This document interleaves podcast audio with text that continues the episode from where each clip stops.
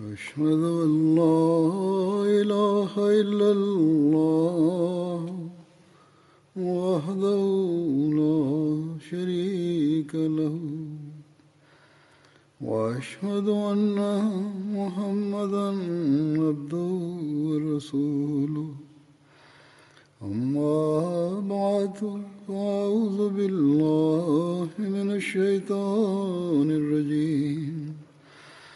بسم الله الرحمن الرحيم. الحمد لله رب العالمين. الرحمن الرحيم. مالك يوم الدين. إياك نعبد وإياك نستعين. اهدنا الصراط المستقيم.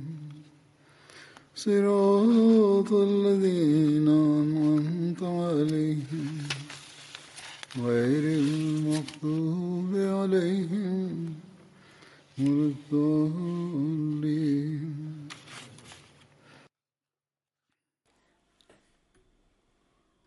Dengan karunia Allah Ta'ala, kita saat ini sedang melewati bulan Ramadan, dan dalam dua hari ke depan, kita akan memasuki ashrah atau sepuluh hari terakhir. Pada suatu kesempatan, Hadrat Rasulullah SAW pernah bersabda bahwa dalam sepuluh hari terakhir Ramadan, Allah Ta'ala menganugerahkan keselamatan dari api neraka. Oleh karena itu, pada hari-hari ini, kita harus memberikan perhatian khusus untuk melakukan ibadah kita dengan cara yang paling baik, untuk mengirimkan salawat kepada Rasulullah, untuk bertaubat, untuk memohon ampunan, salat, memenuhi hak hak Allah Ta'ala dan juga hambanya. Ini agar kita bisa meraih keridhaan Allah Ta'ala dan diselamatkan dari api neraka.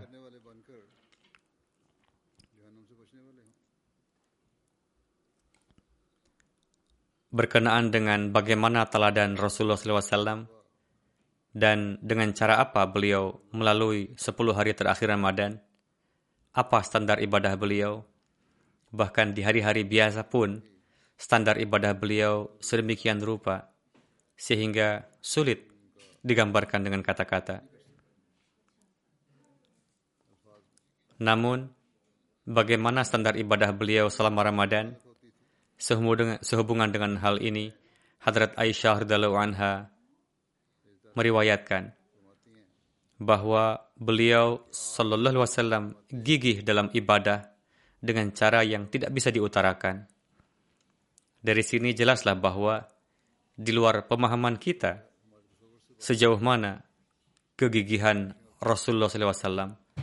Bahkan Hadrat Aisyah tidak dapat mengungkapkannya dengan kata-kata dan detail apa upaya beliau sallallahu alaihi wasallam.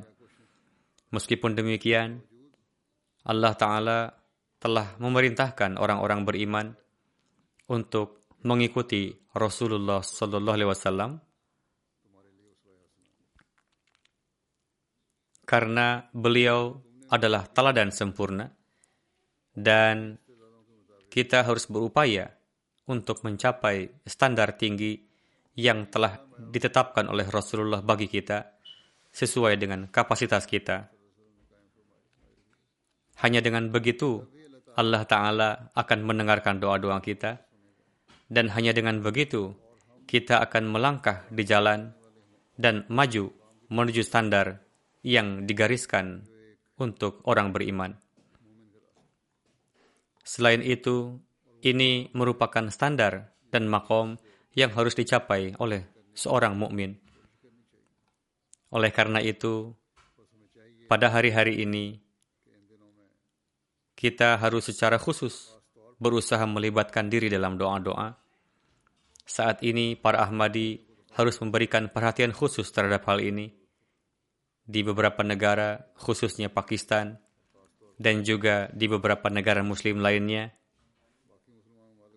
berbagai macam penentangan meningkat terhadap jemaat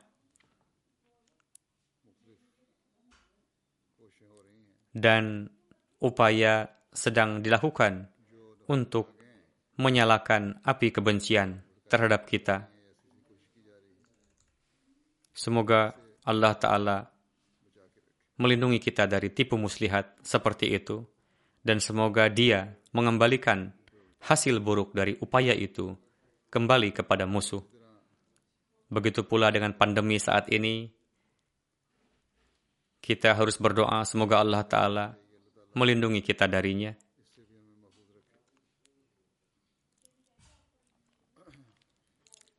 Merupakan keberuntungan kita yang mana Allah Ta'ala telah menarik perhatian kita pada doa-doa melalui perantaraan hadrat Rasulullah SAW dan pecinta sejati hadrat Rasulullah SAW di zaman ini.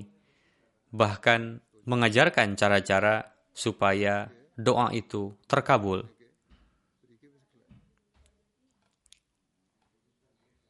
Seiring dengan memuji Allah Ta'ala, mengirimkan salawat pada hadrat Rasulullah SAW pun sangatlah penting untuk pengabulan doa. Jika tidak, maka doa itu akan menggantung di antara bumi dan langit.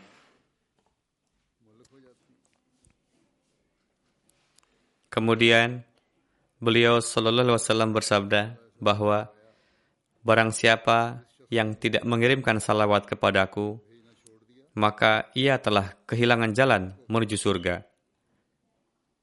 Demikian juga terdapat satu hadis berikut bahwa Hadrat Rasulullah Wasallam bersabda, kirimkanlah salawat kepadaku.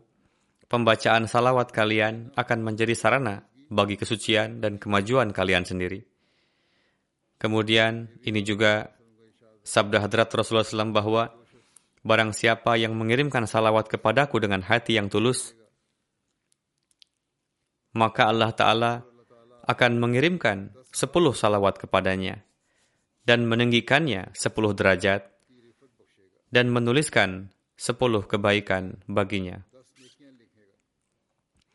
Alhasil, dari riwayat-riwayat tersebut, pentingnya salawat menjadi jelas. Dan kita sebagai orang-orang yang telah menerima Hadrat Masih Maud salam dan mengklaim diri bahwa kita telah meraih pemahaman akan makom dan kedudukan Hadrat Rasulullah Sallallahu Alaihi Wasallam melalui Hadrat Masih Maud salam tanpa salawat Klaim tersebut tidaklah mungkin. Untuk itu, merupakan kewajiban kita agar memahami pentingnya salawat dan berupaya keras untuk membaca salawat sebanyak-banyaknya. Tujuannya bukanlah hanya supaya Allah Ta'ala mendengar doa-doa kita, bahkan supaya kesucian yang kekal menjadi bagian dari kehidupan kita. Dengan perantaraan salawat ini, kita menjadi orang-orang yang meraih kurub Allah Ta'ala. Dengan salawat ini, kita menjadi orang-orang yang mensucikan kehidupan kita secara berkesinambungan dan meraih kemajuan agama serta rohani. Janganlah hanya sekedar klaim di bibir saja bahwa kita telah menerima pecinta sejati hadrat Rasulullah Sallallahu Alaihi Wasallam, yakni hadrat Masih Maud salam. Bahkan setiap amalan dan gerak-gerik kita hendaknya mencerminkan klaim ini bahwa kita adalah orang-orang yang telah beriman kepada Masih Maud salam dan Mahdi yang dijanjikan ini, yang mengenainya para malaikat di langit pun mengatakan bahwa Inilah orangnya yang paling mencintai Rasulullah Sallallahu Alaihi Wasallam. Hadrat Masih Maud salam dalam menjelaskan ilham tersebut yang kata-katanya adalah sebagai berikut. Salli ala Muhammadin wa ali Muhammadin sayyidi waldi Adam wa khatamin nabiyyin.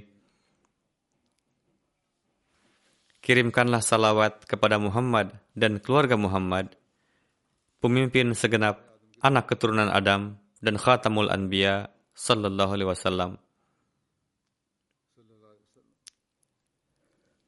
Beliau alaihissalam bersabda, ini menunjukkan bahwa semua tingkatan kemurahan hati dan nikmat ini adalah berkatnya, yakni berkat dari Rasulullah Sallallahu Wasallam dan sebagai buah dari mencintainya.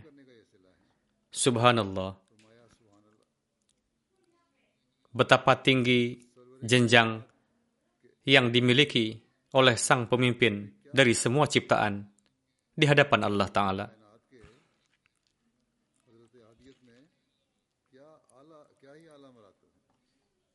Seperti apa kedekatan yang ia miliki dengannya, sehingga kekasihnya menjadi kekasih Tuhan, dan hambanya ditunjuk sebagai penguasa seluruh dunia. Dengan kata lain, orang yang memenuhi hak untuk menjadi hamba sejati Rasulullah Sallallahu Alaihi Wasallam mencapai peringkat di sisi Allah sehingga seluruh dunia bersatu untuk melayaninya. Dengan demikian, status Hadrat Mirza Ghulam Ahmad Qadiani, Hadrat Masih Maud salam dan Mahdi Maud adalah disebabkan oleh penghambaan penuh dan kecintaan beliau kepada Nabi Sallallahu Alaihi Wasallam.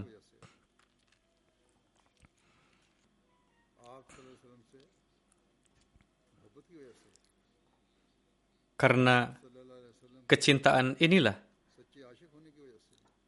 Allah Ta'ala menyatakan beliau yakni Hadrat Masih Maud salam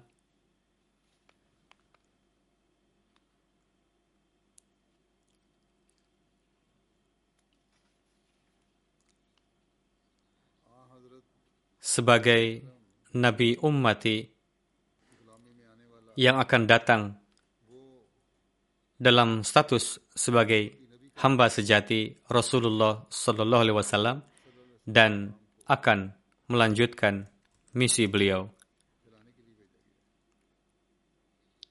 Ia diutus untuk menyebarkan Islam. Kemudian Hadrat Masih Maud salam bersabda, pada saat ini saya ingat bahwa suatu malam saya yang lemah membaca salawat sedemikian rupa banyaknya, sehingga hati dan jiwa saya menjadi harum dengannya. Pada malam yang sama, saya melihat dalam mimpi bahwa para malaikat membawa ke dalam rumah kantong air yang dipenuhi dengan cahaya ilahi dalam bentuk air murni. Dan salah satu dari mereka berkata, Ini merupakan keberkatan atas apa yang telah kamu kirimkan kepada Muhammad sallallahu alaihi wasallam. Saya ingat pengalaman luar biasa yang serupa. Suatu ketika saya menerima ilham yang menunjukkan bahwa ada diskusi yang bersemangat di majelis tinggi di surga. Artinya, kehendak Tuhan untuk menghidupkan agama sedang bergejolak, tetapi penunjukan orang untuk menghidupkan kembali agama itu belum diungkapkan kepada majelis tinggi. Dan inilah mengapa mereka berselisih. Pada saat itu, dalam mimpi saya, saya melihat orang-orang mencari sang penghidup Seorang pria muncul di hadapan saya dan sambil menunjuk ke arah saya, ia berkata, Hadha rojulun yuhibbu Rasulullah. Artinya, inilah pria yang mencintai Rasulullah Sallallahu Alaihi Wasallam. Makna dari pernyataan ini adalah bahwa kualifikasi utama untuk misi ini adalah kecintaan kepada Nabi Sallallahu Alaihi Wasallam dan bahwa kualitas ini pasti ditemukan dalam diri saya. Karena itu, kita para pengikut Al-Masih dan Al-Mahdi yang diutus oleh Allah Ta'ala untuk menghidupkan agama, beliau diutus untuk tugas penting kebangkitan Islam dan untuk mengumpulkan seluruh dunia di bawah panji Nabi Sallallahu Alaihi Wasallam dan dalam penghambaannya. Hadrat Masih Maud salam mencapai status ini karena kecintaan beliau yang dalam kepada Nabi Sallallahu Alaihi Wasallam.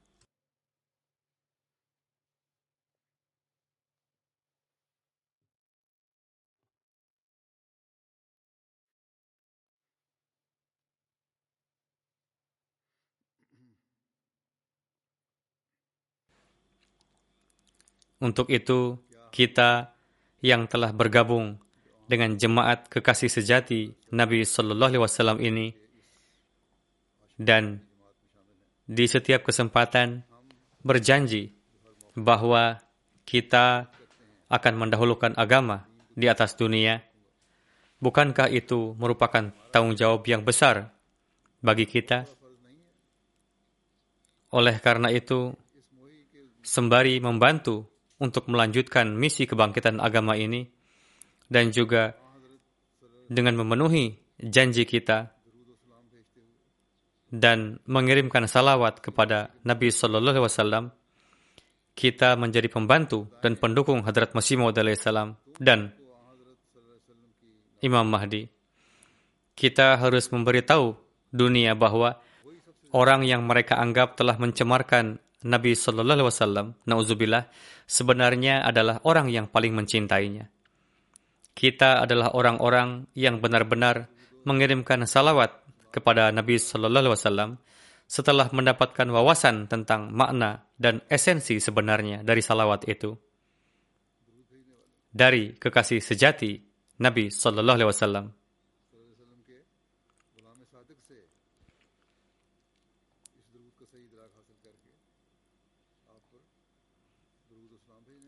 Kita adalah orang-orang yang tidak hanya berdoa untuk diri sendiri di bulan Ramadan, tetapi dengan cemas merenungkan bagaimana untuk dapat menyebarkan nama Muhammad Sallallahu Alaihi Wasallam dan mengibarkan benderanya tinggi-tinggi di seluruh dunia.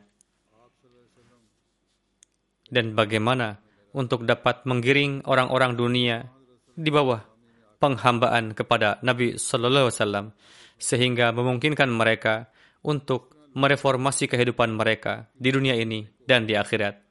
Bagaimana kita bisa membuat mereka merasa bangga setelah tergolong sebagai hamba Nabi Sallallahu Alaihi Wasallam dan dikaitkan dengan nama Islam dan pemahaman bahwa inilah satu-satunya agama yang dapat menjamin perdamaian dan kemakmuran dunia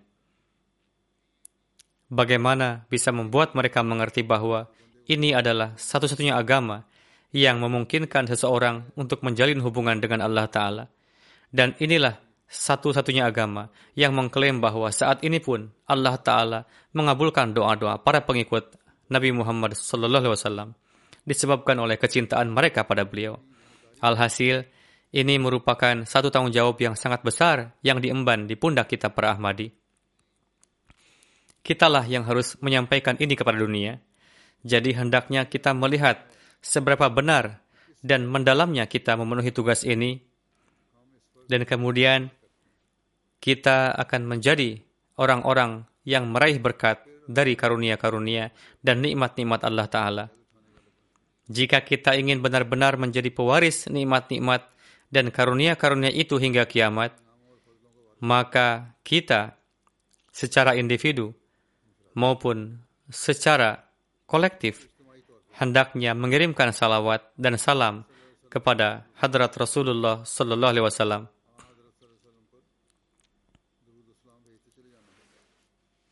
Dan jika kita melaksanakan hal ini, maka kita akan melihat bagaimana makar para musuh dan rencana-rencana mereka. serta serangan-serangan mereka akan hancur dan binasa dengan karunia Allah Ta'ala. Bagaimana Allah Ta'ala sendiri yang akan menjaga dari para musuh. Kita akan melihat diri kita dan anak-anak keturunan kita meraih kemajuan-kemajuan dalam hal kerohanian.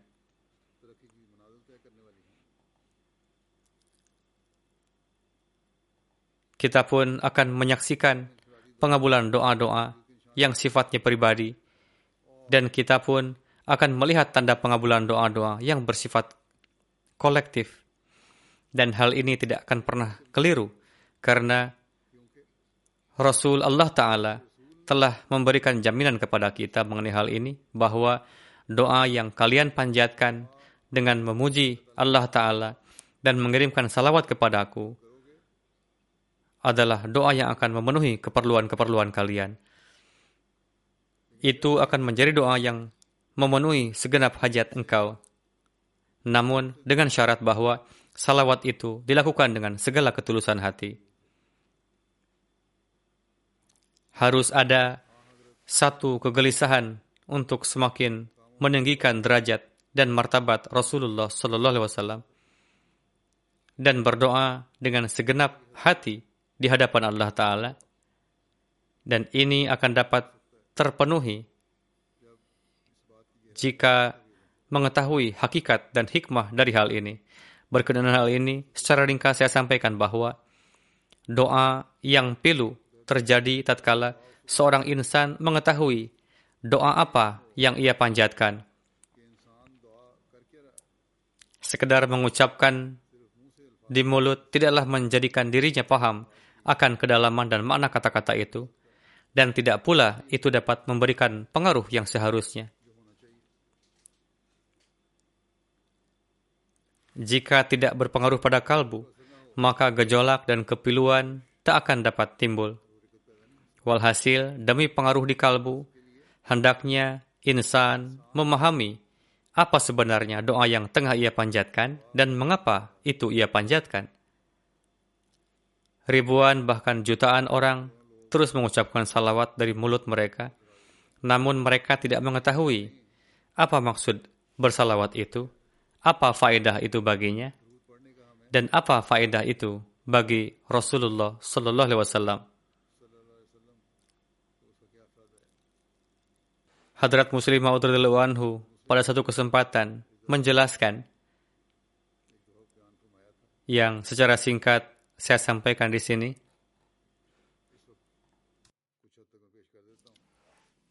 Dalam salawat, kata Allahumma sholli diletakkan pertama, lalu Allahumma barik diletakkan setelahnya. Hikmahnya adalah, salat berarti doa, dan Allahumma sholli pun berarti, wahai Allah, berdoalah engkau untuk Rasulullah Sallallahu Alaihi Wasallam. Di sini terdapat dua jenis pendoa. Pertama, ia yang dirinya tidak memiliki apa-apa dan meminta dari wujud lain. Kedua adalah doa dari wujud, yaitu Tuhan yang memiliki ikhtiar akannya, dan dia sendirilah yang menganugerahkan.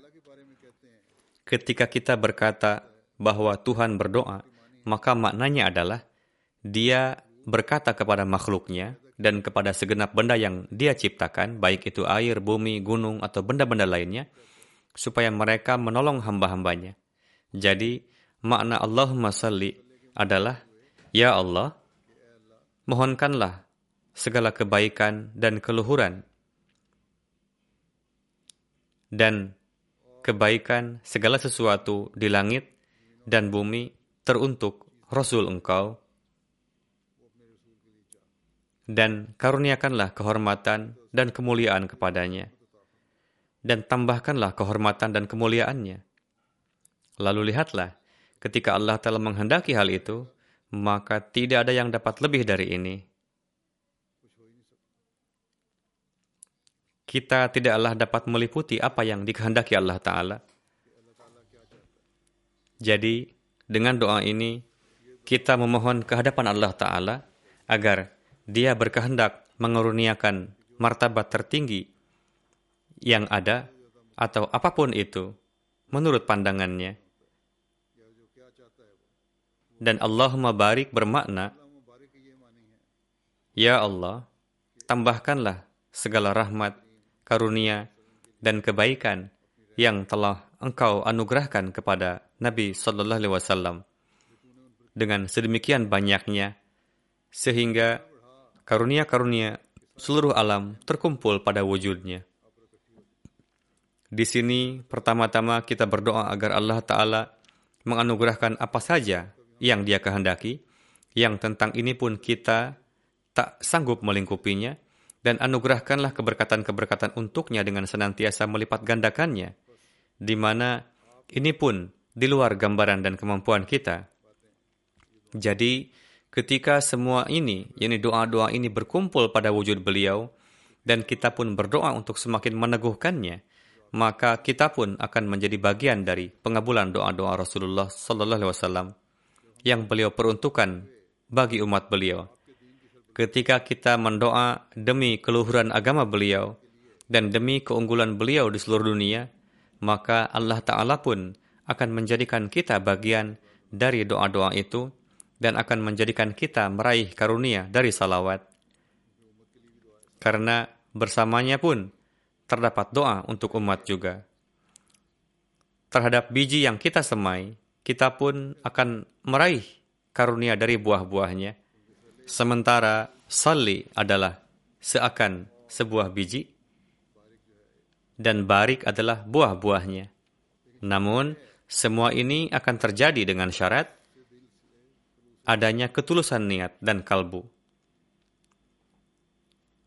yaitu mengamalkan ajaran yang telah dibawa oleh Nabi Sallallahu Alaihi Wasallam dan berupaya mengamalkan hukukullah dan hukukul ibad dan memenuhi hak dari keluarga hakiki beliau Sallallahu Alaihi Wasallam. Bukannya seperti orang-orang yang bertindak aniaya atas nama Allah dan Rasulnya, sementara itu mengucapkan salawat seraya mengharapkan keberkatan-keberkatan darinya, Bukannya seperti mereka yang melanggar hukum dan merugikan masyarakat, lalu mengatakan bahwa kami adalah pecinta Rasul dan senantiasa bersalawat kepada Rasulullah, sehingga janganlah usik kami. Mereka memblokir jalan, sehingga yang sakit pun tidak dapat masuk ke rumah sakit. Lalu mereka berkata, kami melakukan semua ini atas nama Allah dan Rasulnya, dan kamilah yang benar. Ini semua adalah hal-hal yang secara jelas dan nyata merupakan pembangkangan terhadap perintah-perintah Allah Ta'ala dan Rasulnya. Dan sungguh Allah Ta'ala tidak pernah mengizinkannya. Dan tidak pula Rasulullah SAW pernah mengizinkannya. Dan tidaklah salawat orang-orang ini akan bermanfaat. Dan hal ini bukannya meninggikan martabat Rasulullah SAW tetapi justru merupakan upaya keji untuk merendahkannya dan upaya yang memberikan nama buruk kepada Islam.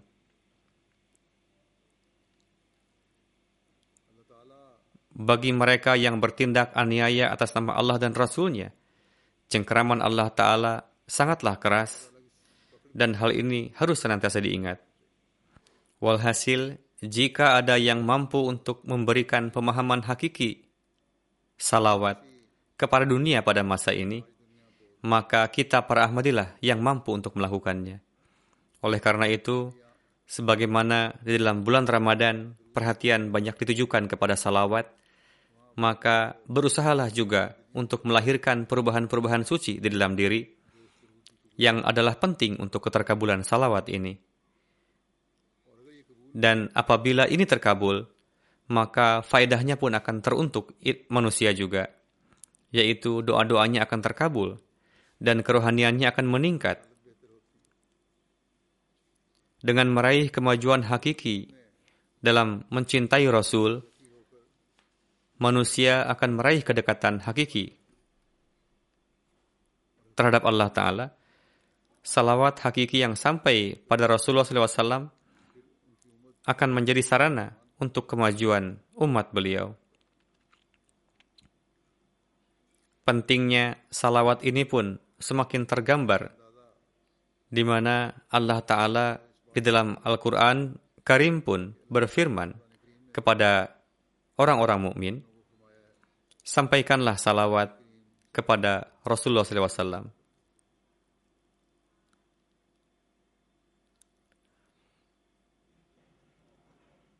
Allah Ta'ala berfirman, Inna Allah wa malaikatahu yusalluna ala nabi.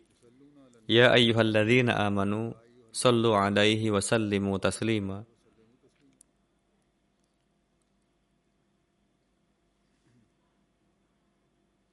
Jadi salawat kepada Nabi Sallallahu Alaihi Wasallam adalah sedemikian penting di mana Allah Ta'ala dan para malaikatnya pun mengirim salawat kepada beliau. Di sini hal ini pun menjadi semakin jelas bahwa apakah doa Allah Ta'ala itu? Yaitu Allah Ta'ala setiap waktunya senantiasa meninggikan derajat beliau dan senantiasa menyiapkan sarana untuk menegakkan keagungan dan martabat beliau. Di zaman ini, Allah Ta'ala telah memberikan tanggung jawab kepada jemaat Hadrat Masih Maud salam agar mengamalkan secara hakiki perintah Allah Ta'ala ini dan senantiasa menyampaikan salawat kepada Rasulullah Wasallam. Dengan ini, anda semua akan menjadi pewaris karunia-karunia Allah Ta'ala dan Anda semua pun akan meraih keberkatan dari doa-doa para malaikat. Karena ketika para malaikat pun mengirimkan salawat kepada Rasulullah, maka keberkatan-keberkatannya pun akan sampai pada umat hakiki beliau dan orang-orang yang beriman kepada beliau ketika limpahan keberkatan ini sampai kepada kita, maka rasa syukur kita mengharuskan kita menjadi semakin banyak lagi untuk mengirimkan salawat. Salawat dan rasa syukur ini adalah satu mata rantai yang tak akan pernah terputus, yang akan terus memberikan keberkatan kepada mukmin yang hakiki. Hadrat Akdas Masih Maud salam dalam menjelaskan ayat tersebut bersabda, di satu tempat, lihatlah ketulusan dan kesetiaan junjunan kita, Hadrat Muhammad Rasulullah Sallallahu Alaihi Wasallam. Beliau telah menghadapi segala jenis permusuhan. Beliau telah memikul berbagai macam musibah dan penderitaan, namun beliau tidak menghiraukannya. Inilah ketulusan dan kesetiaan yang atasnya Allah Ta'ala pun menurunkan karunia-karunianya. Karena inilah Allah Ta'ala berfirman, Inna Allah wa malaikatahu yusalluna 'alan nabi ya ayyuhalladzina amanu sallu 'alaihi wa sallimu taslima Allah Ta'ala dan segenap para malaikatnya mengirimkan salawat kepada Rasul. Hai orang-orang yang beriman, kamu juga harus mengirimkan salawat kepada Nabi Sallallahu Alaihi Wasallam. Dari ayat ini terbukti bahwa amalan Rasulullah SAW sedemikian rupa sehingga Allah Ta'ala tidak membatasi sifat atau pujian kepada beliau dengan menggunakan satu kata. Meski sebuah kata bisa saja digunakan, tapi Tuhan sendiri memilih untuk tidak membatasinya. Ini berarti akhlak dan tingkah laku yang baik dari Nabi Wasallam tidak dapat dijelaskan dengan kata-kata, yaitu sangat sulit untuk memahami akhlak beliau karena sangat luhur. Ayat seperti ini tidak digunakan untuk memuji nabi lainnya. Jiwa beliau dipenuhi dengan kejujuran dan kemurnian. Allah Ta'ala menghormati amalan beliau sedemikian rupa sehingga dia mengeluarkan perintah untuk selama-lamanya bahwa sebagai bentuk rasa syukur, orang-orang di masa yang akan datang harus mengirimkan salawat kepada beliau. Dengan demikian, rasa syukur ini nantinya akan bermanfaat bagi kita. Di bulan Ramadan ini dan sepanjang tahun, semoga Allah telah memberikan taufik kepada kita untuk memahami pentingnya salawat dan juga taufik untuk mengirimkan salawat kepada beliau sallallahu alaihi wasallam. Allahumma salli ala Muhammadin wa ala ali Muhammadin kama sallaita ala Ibrahim wa ala ali Ibrahim innaka Hamidum Majid. Allahumma barik ala Muhammadin wa ala ali Muhammadin kama barakta ala Ibrahim wa ala ali Ibrahim innaka Hamidum Majid. Aspek kedua yang ingin saya soroti dan ingatkan secara khusus adalah istighfar. Doa yang berbunyi Astagfirullah Rabbi bin kulli dzambin wa atubu ilai. Aku memohon pengampunan dari Allah, Tuhanku, untuk semua dosa dan aku bertobat kepadanya. Ini merupakan doa yang sangat penting. Hadrat Musi Maud salam bersabda,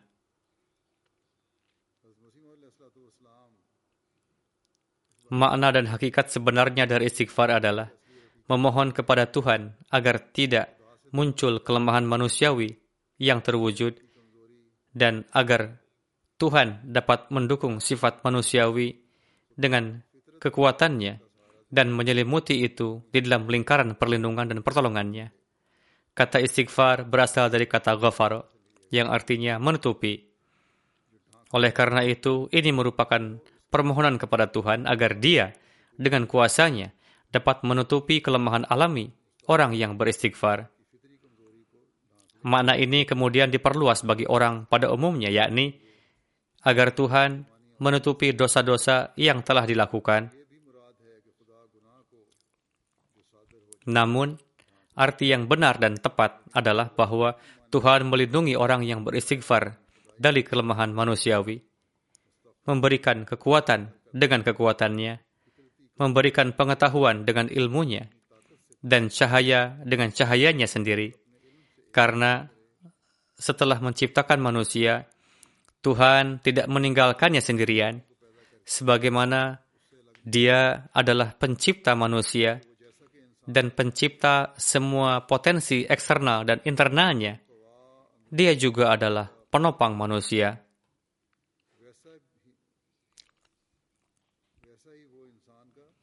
Dengan kata lain, dia menjaga segala sesuatu yang telah dia ciptakan dengan dukungan uniknya. Tuhan Maha Pemelihara dan memelihara ciptaan melalui dukungannya sendiri. Oleh karena itu, adalah kewajiban manusia, sebagaimana dia terlahir melalui tangan Tuhan yang menciptakan. Begitu juga dia harus berusaha untuk melindungi ciptaannya dari kerusakan melalui dukungan Tuhan. Oleh karena itu, ini adalah kebutuhan alami manusia.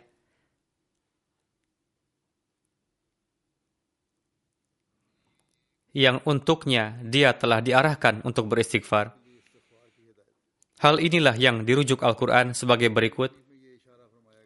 Allahu la ilaha illa huwal hayyul qayyum. Jadi Tuhanlah yang merupakan pencipta dan pemelihara. Sifat pencipta dimanifestasikan ketika manusia diciptakan. Namun tugas pemeliharaan adalah untuk selama-lamanya. Oleh karena itu, timbul kebutuhan untuk beristighfar secara konstan. Untuk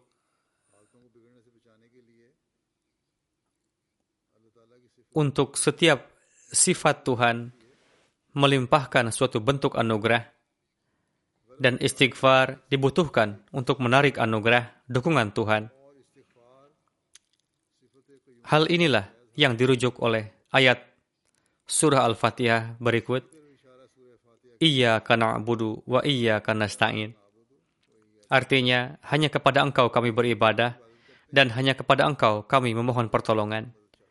Agar dukungan dan pemeliharaanmu dapat menopang kami dan melindungi kami dari ketersandungan, agar kami tidak menjadi mangsa kelemahan, sehingga tidak dapat beribadah kepadamu.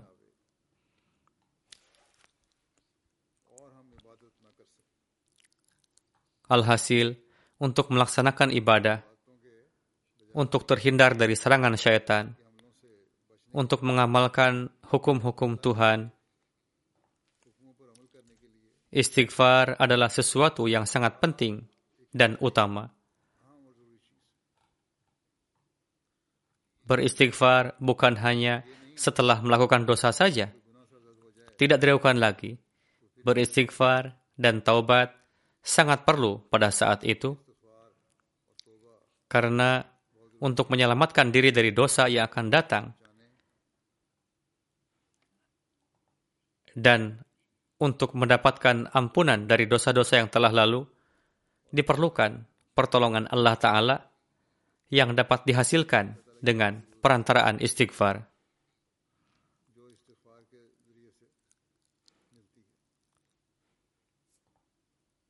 Jadi, istighfar sangat diperlukan dalam kedua keadaan itu, yakni setelah melakukan dosa atau ketika tidak melakukan dosa.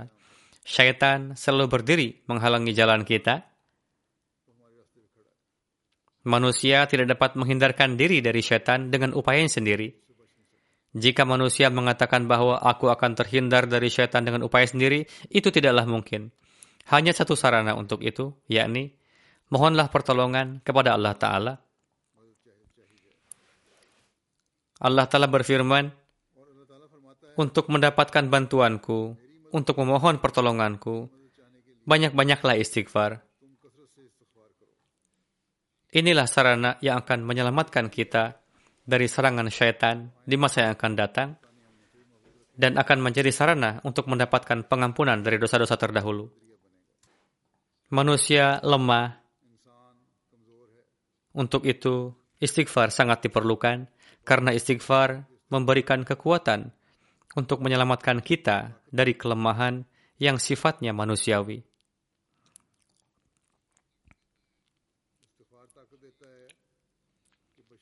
Jadi, istighfar yang terus-menerus dapat menggerakkan sifat qayyum Allah Ta'ala dan orang yang beristighfar akan diselamatkan dari setiap keburukan.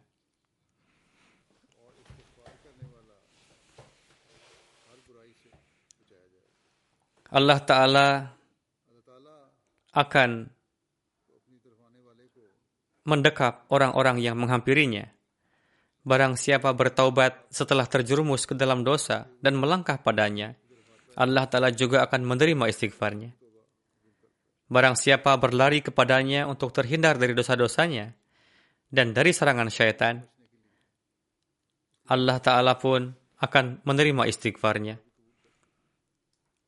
Akan menyelamatkannya dari serangan syaitan. Berkenaan dengan keluasan rahmat dan ampunan Allah Ta'ala, Allah Ta'ala sendiri berfirman bahwa itu meliputi segala sesuatu. Berkenaan dengan itu,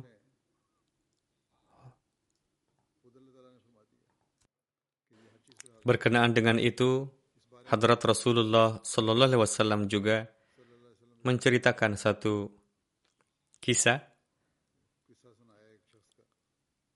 Ada seseorang yang telah membunuh 99 orang. Pada akhirnya ia menyesali perbuatannya dan berpikir untuk taubat. Lalu ia pergi menemui seorang ulama untuk menanyakan perihal peluang taubat. Sang ulama mengatakan, dosa kamu tidak dapat diampuni lagi, karena dosa pembunuhan kamu sudah terlalu besar. Akhirnya si pembunuh itu menggenapkan jumlah korbannya menjadi seratus dengan membunuh sang ulama.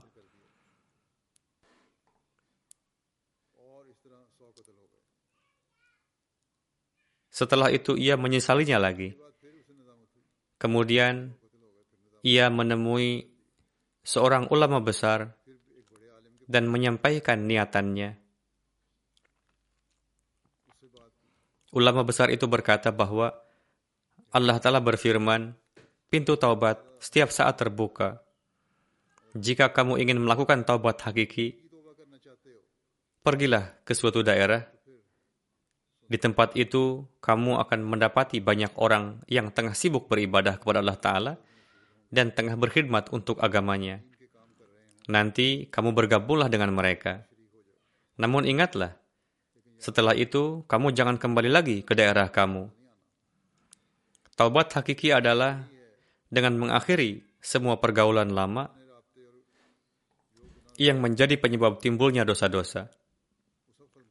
Al-Kisah si pembunuh tadi pergi menuju tempat yang disarankan itu.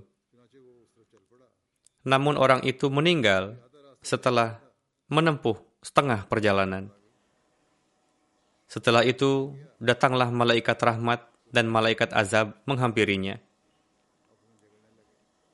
kedua malaikat tersebut sama-sama berkeinginan untuk membawa ruh orang itu bersamanya. Malaikat rahmat mengatakan bahwa orang ini telah bertobat. Untuk itu ia harus masuk ke surga. Sedangkan malaikat azab mengatakan bahwa orang ini tidak pernah berbuat baik selama hidupnya. Bagaimana mungkin akan masuk ke surga? Ia tidak dapat diampuni lagi.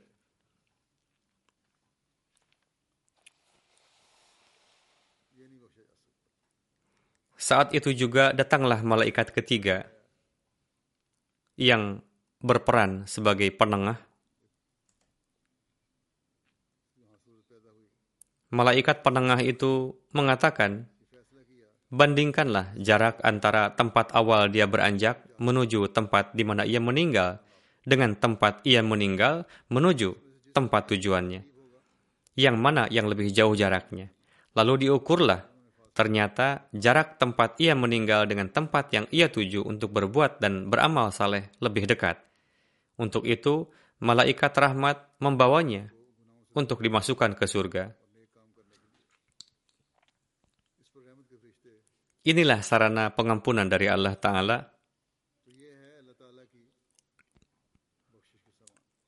Seorang yang sangat zalim dan pembunuh pun, setelah bertaubat, Allah Ta'ala memberikan sarana untuk pengampunan.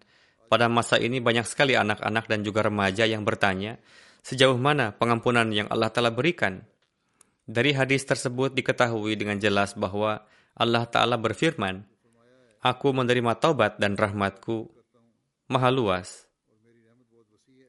Tidak ada batasnya, namun syaratnya adalah seseorang harus melakukan taubat hakiki.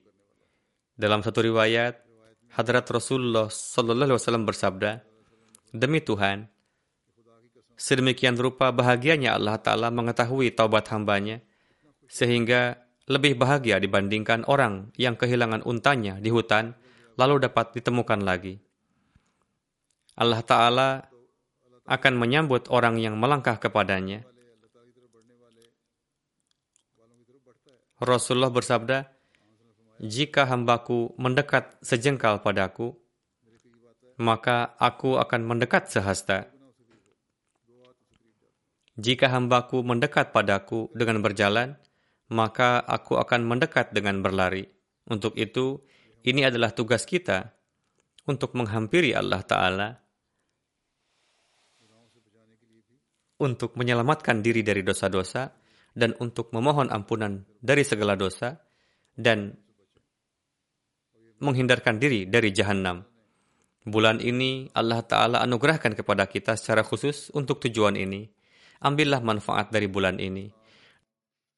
Dalam menjelaskan perihal taubat dan maghfirah, Hadrat Masih Maud bersabda, Ingatlah bahwa menolak pertobatan dan pengampunan adalah menutup pintu kemajuan manusia – Jelas bagi semua orang sejak dahulu kala bahwa manusia tidak sempurna pada zatnya, tetapi sebenarnya dia membutuhkan kesempurnaan. Sebagaimana setelah kelahirannya, ia secara bertahap memperluas ilmunya dan tidak dilahirkan terpelajar dan terinformasi dengan baik. Begitu juga setelah kelahirannya, ia mulai peka terhadap lingkungannya kondisi moralnya berada pada surut yang sangat rendah. Pengamatan terhadap kondisi anak kecil menunjukkan bahwa sebagian besar anak cenderung untuk memukul orang lain dengan sedikit provokasi dan banyak dari mereka yang terbiasa berbohong dan menggunakan kata kotor dengan anak lain. Beberapa mencuri dan menggibat orang lain, serta iri dan kikir.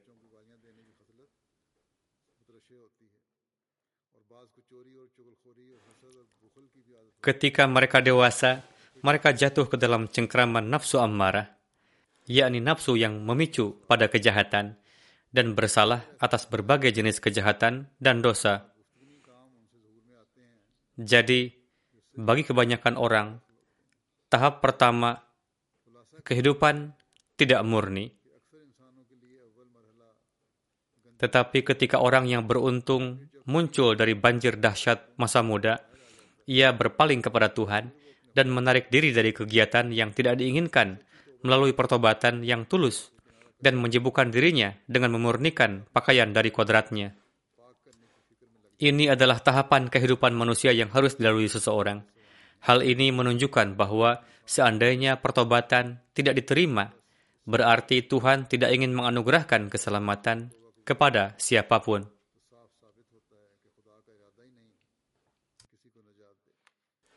Hadrat Masih Maud Islam bersabda, dan ini tidak mungkin karena Tuhan yang Maha Kuasa berkata bahwa dia ingin memberikan keselamatan. Hadrat Masih Maud Islam bersabda, biarlah jelas bahwa dalam idiom bahasa Arab, taubah berarti kembali. Dan itulah sebabnya dalam Al-Quran nama Tuhan juga Tawab. Artinya dia yang adalah sering kembali. Artinya, ketika seseorang yang memisahkan diri dari dosa, lalu berpaling kepada Tuhan dengan hati yang tulus, maka Allah Ta'ala pun semakin mengarahkan perhatiannya padanya. Ini semuanya sesuai dengan hukum alam. Allah Ta'ala telah menjadikannya bagian dari kodrat manusia bahwa ketika seseorang berpaling kepada orang lain dengan hati yang tulus, hatinya juga dilembutkan untuknya. Lalu bagaimana akal bisa menerima bahwa ketika seseorang hamba berpaling kepada Tuhan yang Maha Esa dengan hati yang benar, lantas Tuhan tidak memberikan perhatian kepadanya. Berkenaan dengan dua orang insan, bisa saja melakukan demikian, karena itu merupakan fitrat manusia. Tetapi jika mengatakan sehubungan dengan Tuhan bahwa dia tidak berpaling dengan belas kasihan, meskipun manusia berpaling kepadanya, itu tidak akan mungkin terjadi. Sesungguhnya Tuhan yang maha pengasih dan penyayang bahkan lebih banyak kembali kepada hambanya. Hadrat Masih Maud bersabda bahwa Tuhan yang maha kuasa, yang maha penyayang, dan bahkan lebih banyak kembali kepada hambanya. Itulah sebabnya dalam Al-Quran, Tuhan juga bernama Tawab, yang berarti yang banyak kembali. Manusia berpaling kepada Tuhan adalah melalui penyesalan dan kerendahan hati dan kelembutan hati sedangkan Tuhan berpaling kepada manusia dengan belas kasihan dan pengampunan. Jika belas kasihan bukan salah satu sifat Allah Ta'ala, tidak akan ada yang dapat meraih kebebasan. Sangat disayangkan, mereka tidak merenungkan sifat-sifat Allah Ta'ala dan bersandar pada amal dan perbuatannya dengan beranggapan bahwa berkat amalan kamilah, kami dapat meraih semua ini. Namun Tuhan itu yang telah menciptakan ribuan nikmat di bumi ini bagi manusia tanpa mensyaratkan suatu amalan. Apakah mungkin ketika manusia yang penuh kelemahan diperingatkan dari kelalaiannya, lalu kembali kepadanya, dan kembalinya sedemikian rupa seolah-olah mengalami kematian, lalu membuka jubah lamanya yang tidak suci dari tubuh, lalu terbakar dalam api kecintaan padanya, lantas Tuhan tidak mengarahkan perhatian kepadanya dengan rahmatnya. Bukankah itu yang disebut dengan hukum kudrat Tuhan? Beliau Islam bersabda, pintu karunia dan kasih sayang Allah Ta'ala tidak pernah tertutup. Jika manusia kembali kepada Tuhan dengan segenap ketulusan hati, maka Allah Ta'ala adalah maha pengampun dan penyayang, dan juga maha penerima taubat. Janganlah berpikir jenis-jenis jenis dosa apa saja yang akan diampuni, karena itu merupakan bentuk kelancangan dan sangat tidak sopan terhadap Allah Ta'ala. Khazanah rahmatnya maha luas dan tidak ada batasnya. Tidak ada kekurangan pada zatnya. Pintunya tidak tertutup bagi siapa pun. Tidaklah seperti pekerjaan orang Inggris, di mana hanya orang yang berpendidikan tinggi yang akan diberikan pekerjaan. Semua orang yang mencapai hadirat Tuhan yang Maha Esa akan mencapai tingkatan yang tinggi. Ini adalah janji yang pasti. Sungguh malang orang yang berputus asa kepada Allah Ta'ala dan berada dalam kondisi kebodohan pada saat kematiannya. Memang dalam hal demikian, pintu kemudian ditutup untuk mereka.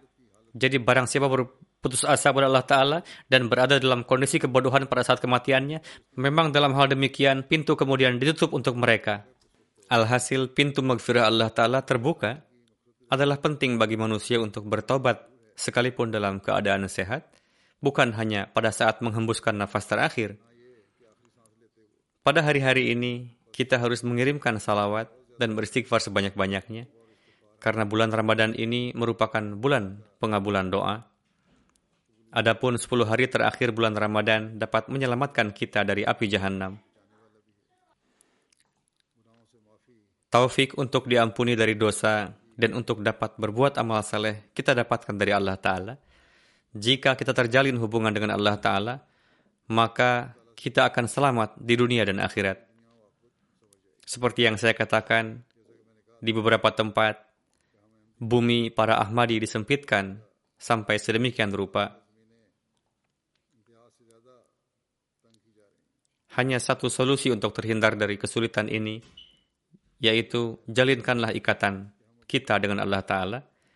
Jika hubungan telah terjalin, jika salawat dan istighfar kita telah dapat meraih keridaan Allah Ta'ala, sekalipun para penentang melakukan ribuan upaya, namun mereka tidak dapat menimpakan kerugian kepada kita. Namun, jika Allah tidak ridho kepada kita, maka tidak ada upaya dunia yang akan memberikan manfaat kepada kita. Untuk itu, kita harus menguatkan jalinan kita dengan Allah Ta'ala.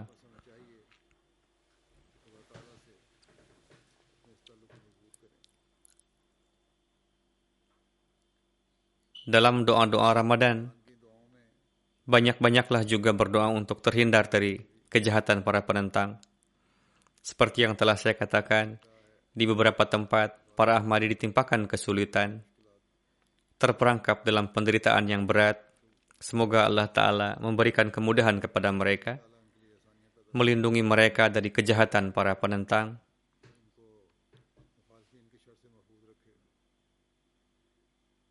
Para Ahmadi Pakistan juga harus banyak-banyak berdoa, khususnya pada hari-hari ini, untuk diri pribadi dan juga untuk jemaat.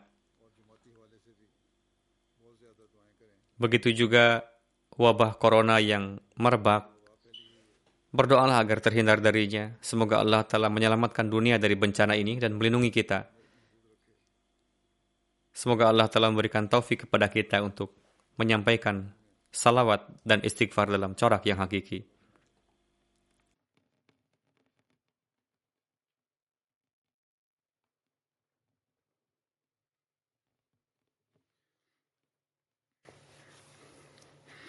الحمد لله الحمد لله نحمده ونستعينه ونستغفره ونؤمن به ونتوكل عليه ونعوذ بالله من شرور أنفسنا ومن سيئات أعمالنا.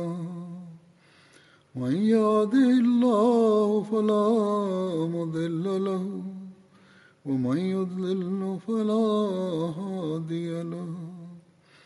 ونشهد أن لا إله إلا الله ونشهد أن محمدا عبده ورسوله.